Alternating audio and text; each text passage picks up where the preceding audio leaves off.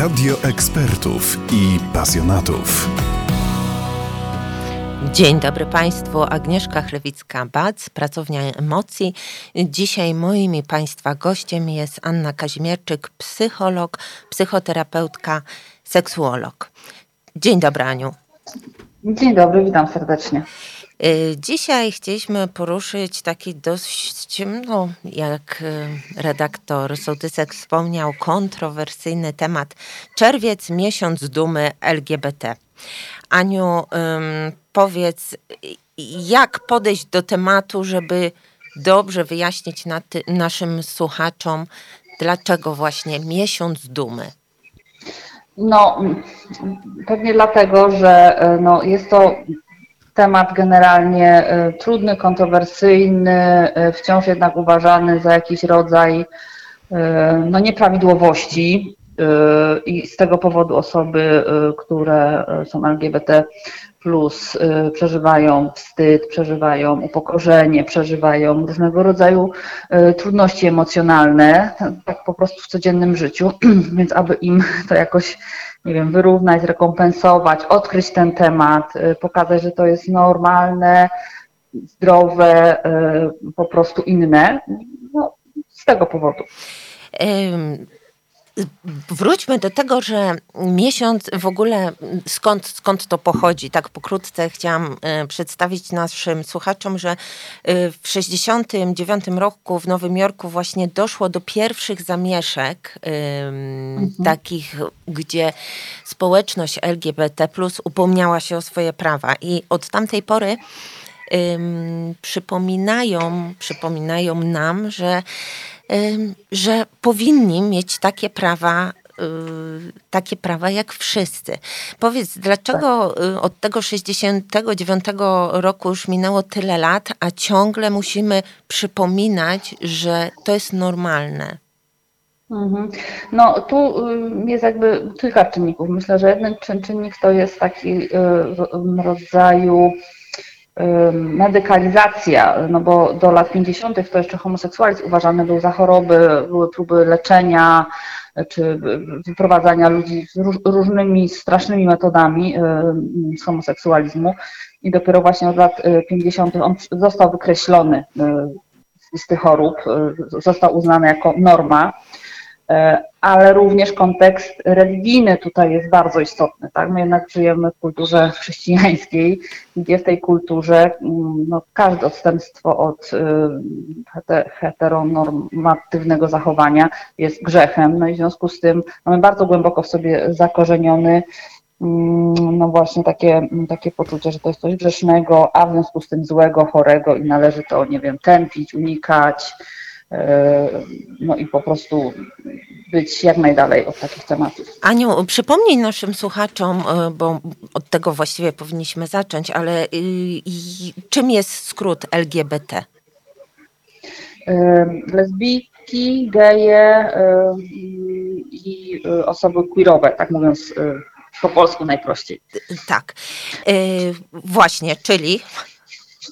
No, czyli osoby, które E, mają odmienną od hetero, czyli hetero, czyli kobieta i mężczyzna, e, orientację seksualną, czyli są zorientowane seksualnie na tą samą płeć, czyli pociągają kobiety kobiety, a mężczyzn mężczyźni. Również um, mają um, zaburzenia transseksualne, czyli um, występuje niezgodność ich płci biologicznej z psychologiczną, społeczną, czyli tak zwane osoby transseksualne, mhm. no i osoby, które w różny sposób no właśnie, czy czasowo, czy w różnych kontekstach społecznych, seksualnych, właśnie wybierają inny sposób realizacji tej seksualności niż tylko taka heteronormatywna, czyli kobieta, mężczyzna, łóżko, płodzenie tak. dzieci i tak dalej. E, przeczytałam takie zdanie właśnie, że ktoś zapytał, dlaczego miesiąc dumy LGBT i przeczytałam takie zdanie, że chodzi o dumę z tych, którzy jako pierwsi odważyli się walczyć o swoje prawa. Dlaczego to jest takie ważne, żeby właśnie docenić tych pierwszych, którzy odważyli się y, powiedzieć głośno, że chcą żyć według swojej orientacji seksualnej? No, dlatego, że tak jak w każdym w przypadku każdej odmienności, czy, czy na przykład odmienności w kolorze skóry, no to, to, to są osoby, które odważają się zrobić coś wbrew społecznym przekazom, wbrew obowiązującym normom, czyli tak jak do tej pory normą było heteroseksualne cisowe funkcjonowanie, tak te osoby mówią, nie, my mamy inaczej i my mamy prawo inaczej się mm, prezentować, e, funkcjonować, e, spełniać. I nie ma w tym niczego, jesteśmy normalni, jesteśmy zdrowi, nikomu nie zagrażamy, nikomu nie, nie robimy to, e, niczego złego. No, zawsze jest potrzebny ktoś, kto to zrobi po raz pierwszy i później już jest ta ścieżka jakoś przetarta, można nią podążać. Natomiast ci pierwsi, no powiedzmy, zebrali najwięcej takiego niezrozumienia społecznego i niesprawiedliwości społecznej. No tak, y, to dla społeczeństwa generalnie są tematy tabu, tematy, o których y, no, nie chcą słyszeć, nie chcą mówić, y, nie chcą się niczego dowiadywać. No i w związku z tym też brak wiedzy takiej no, medycznej, jak i psychologicznej, mm, no, powoduje, że no, każda odmienność jest gdzieś tam tłumiona, atakowana, E, zagłuszana. No i takie osoby, które po raz pierwszy to zrobiły, tak, czyli wyszły z ukrycia, powiedziały, że jest, jest taki temat, jest takie zjawisko, jesteśmy tacy. No po prostu zebrali, zebrali cały gniew całą jakby taką nienawiść. E, Aniu, powiedz mi, co mm, musi się jeszcze zmienić, żebyśmy przyjęli, że to jest normalne? No, przede wszystkim edukacja, edukacja, jeszcze raz edukacja. Y, wiele osób no po prostu totalnie y, nie wie, ma jakieś mgliste pojęcia z jakichś parad, z jakichś filmów porno, jakichś mglistych y, zajawek telewizyjnych i mhm. kojarzą to w ten sposób, z jakąś wiem, agresją, z jakąś narzucaniem komuś własnej seksualności, własnego sposobu realizacji płci. To, to zupełnie nie o to chodzi, więc tutaj edukacja, czyli jakby tłumaczenie od takich podstaw biologicznych, psychologicznych, czym jest seksualność, w jaki sposób ją realizujemy, z czym to jest związane, wydaje mi się, żeby no, mogło tą sprawę rozwiązać, tak? Mogłoby mm, wiele osób uspokoić, y, czy jakby można by było patrzeć wtedy na to y, inaczej. E, czy jesteśmy już blisko tego punktu, że zrozumiemy, to, że y, nasza orientacja to jest coś, czym się rodzimy, tak samo jak się rodzimy z kolorem oczu, którego nie możemy wybrać, tak samo rodzimy się z orientacją i nie ma takiej rzeczy, którą rodzic lub środowisko mogłoby zrobić, albo chciałoby wpłynąć, żeby ta orientacja się zmieniła. Po prostu to jest częścią nas i tak się, tak się mhm. rodzimy. Kiedy, kiedy będzie ten moment właśnie? Trudno, trudno powiedzieć, natomiast myślę, że młodzi ludzie, takie pokolenie, nie wiem, obecnych 20, dwudziestokilkulatków, już ma pewnego rodzaju zupełnie inną świadomość niż ich rodzice.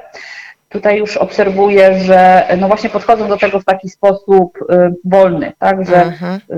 mają takie rozróżnienie, nie wiem, że wiedzą, że takie rzeczy się dzieją i nie konotują tego tak bardzo negatywnie masz tak, to tak masz, okej, okay, nie jest z tym okej. Okay. Jakby, no więc jest szansa, że w tych młodych pokoleniach, y, które jakby też, nie wiem, jeżdżą po świecie, spotykają różnych ludzi, doświadczają różnych rzeczy, nie, poza, poza Polską, y, no gdzieś taka otwartość się robi i że to się, to się gdzieś w następnych pokoleniach, jeszcze nie wiem, kilku, y, no stanie po prostu taką normą. Aniu, powróćmy jeszcze do mm, tego tematu, że czerwiec miesiącem dumy LGBT. W czerwcu y, organizowane są różnego rodzaju marsze równości. Społeczeństwo jest podzielone na temat tego, co mhm. widzą, co słyszą. Powiedz mi, jaki jest y, Twój stosunek, Twoje spojrzenie właśnie na te marsze równości? Czy one są potrzebne? No, myślę, że są potrzebne po to, żeby właśnie ten temat mógł być dyskutowany, żeby ten temat mógł w ogóle istnieć. Y, no bo jeśli w żaden sposób to zjawisko nie jest widoczne, y, no to też y, jasne, nie? No, w pewnym sensie mamy spokój, ale z, drugiej strony mm, nie mamy żadnej szansy, żeby się czegoś na ten temat dowiedzieć, czy może zmienić swój punkt widzenia.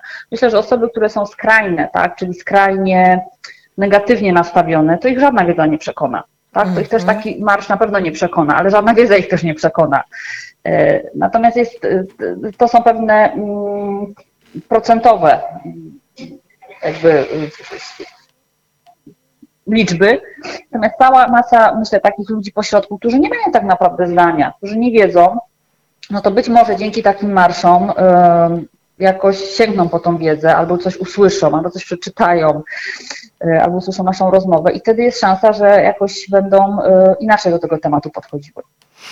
W miesiącu czerwcu wiele firm, wiele organizacji też zmienia swoje logo, jakby jednocząc się ze środowiskami LGBT, i widzimy w wielu miejscach tęczową flagę. Mhm co właśnie, co myślisz o tym symbolu? Czy, um, czy to jest potrzebne, żebyśmy um, pokazywali tą tęczową flagę, żebyśmy jakby odkrywali swoje, um, swoją solidarność y, z ludźmi LGBT+. No tak, tak, oczywiście. Z jednej strony tą solidarność, z drugiej strony to jest ten symbol, który no właśnie również um, pokazuje, że ten temat jest, że on istnieje, że to nie są jakieś, no nie wiem, pojedyncze zupełnie osoby, tylko to jest no, całkiem spora rzesza osób, Polaków, naszych, nie wiem, kolegów, przyjaciół, rodziców, rodziny. I te osoby oprócz seksualności, czyli jakby sprawy dość intymnej, takiej, którą każdy z nas realizuje sam wie jak, i to bardzo różnie wygląda w naszych łóżkach polskich, to są normalne, fajne, zdrowe, kochające osoby. Więc czemu ich nie wspierać, czemu jakby nie pokazywać tego, że ten temat jest też poniekąd jakoś ważny, no bo każda osoba LGBT ma wokół siebie inne osoby. Tak? I to mhm. jakby nie jest temat związany tylko i wyłącznie z tą osobą, ale to dotyka jej rodziny, jej najbliższych, jej środowiska pracy, środowiska koleżeńskiego, tak? Więc y, te osoby nie są same, to nie jest jakaś wyłączona wyspa bezludna, tak? Że oni nam siedzą i my sobie patrzymy na nich tak. daleko. Oni y, bezpośrednio są z nami związani, tak? I bezpośrednio y, jakby my jesteśmy z nimi związani, więc no, czemu nie pokazywać tej solidarności, czemu tych ludzi nie wspierać? Oni nas też wspierają w różnych innych sytuacjach, tak. może nie z flagami, tak, no, ale też nas nikt nie prześladuje za to, z kim chodzimy do łóżka, czy jak się ubieramy, tak, powiedzmy Oczywiście. osoby heteronormatywne. Więc myślę, że jak najbardziej taka symbolika, to jest tylko miesiąc, to nie jest, mm-hmm. ktoś może powiedzieć z jakiej racji, to jest tylko miesiąc, to jest, to jest krótko. Tak, jak najbardziej. Myślę, że dopóki jest ta, taka presja i prześladowanie i opresja, to jak najbardziej trzeba ten drugi biegun tak wyłuszczać i pokazywać, tak, jesteśmy jesteśmy z Wami.